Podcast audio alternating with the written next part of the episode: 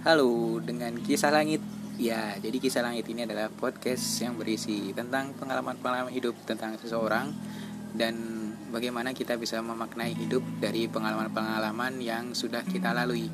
Jadi nanti setiap minggunya mungkin ya atau setiap tiga hari nanti aku bakal uh, kasih episode baru dan itu berisi tentang pengalaman-pengalaman hidup yang mungkin belum pernah kita alami sebelumnya. Dan jadi kita bisa belajar dari uh, pengalaman hidup seseorang gitu kan.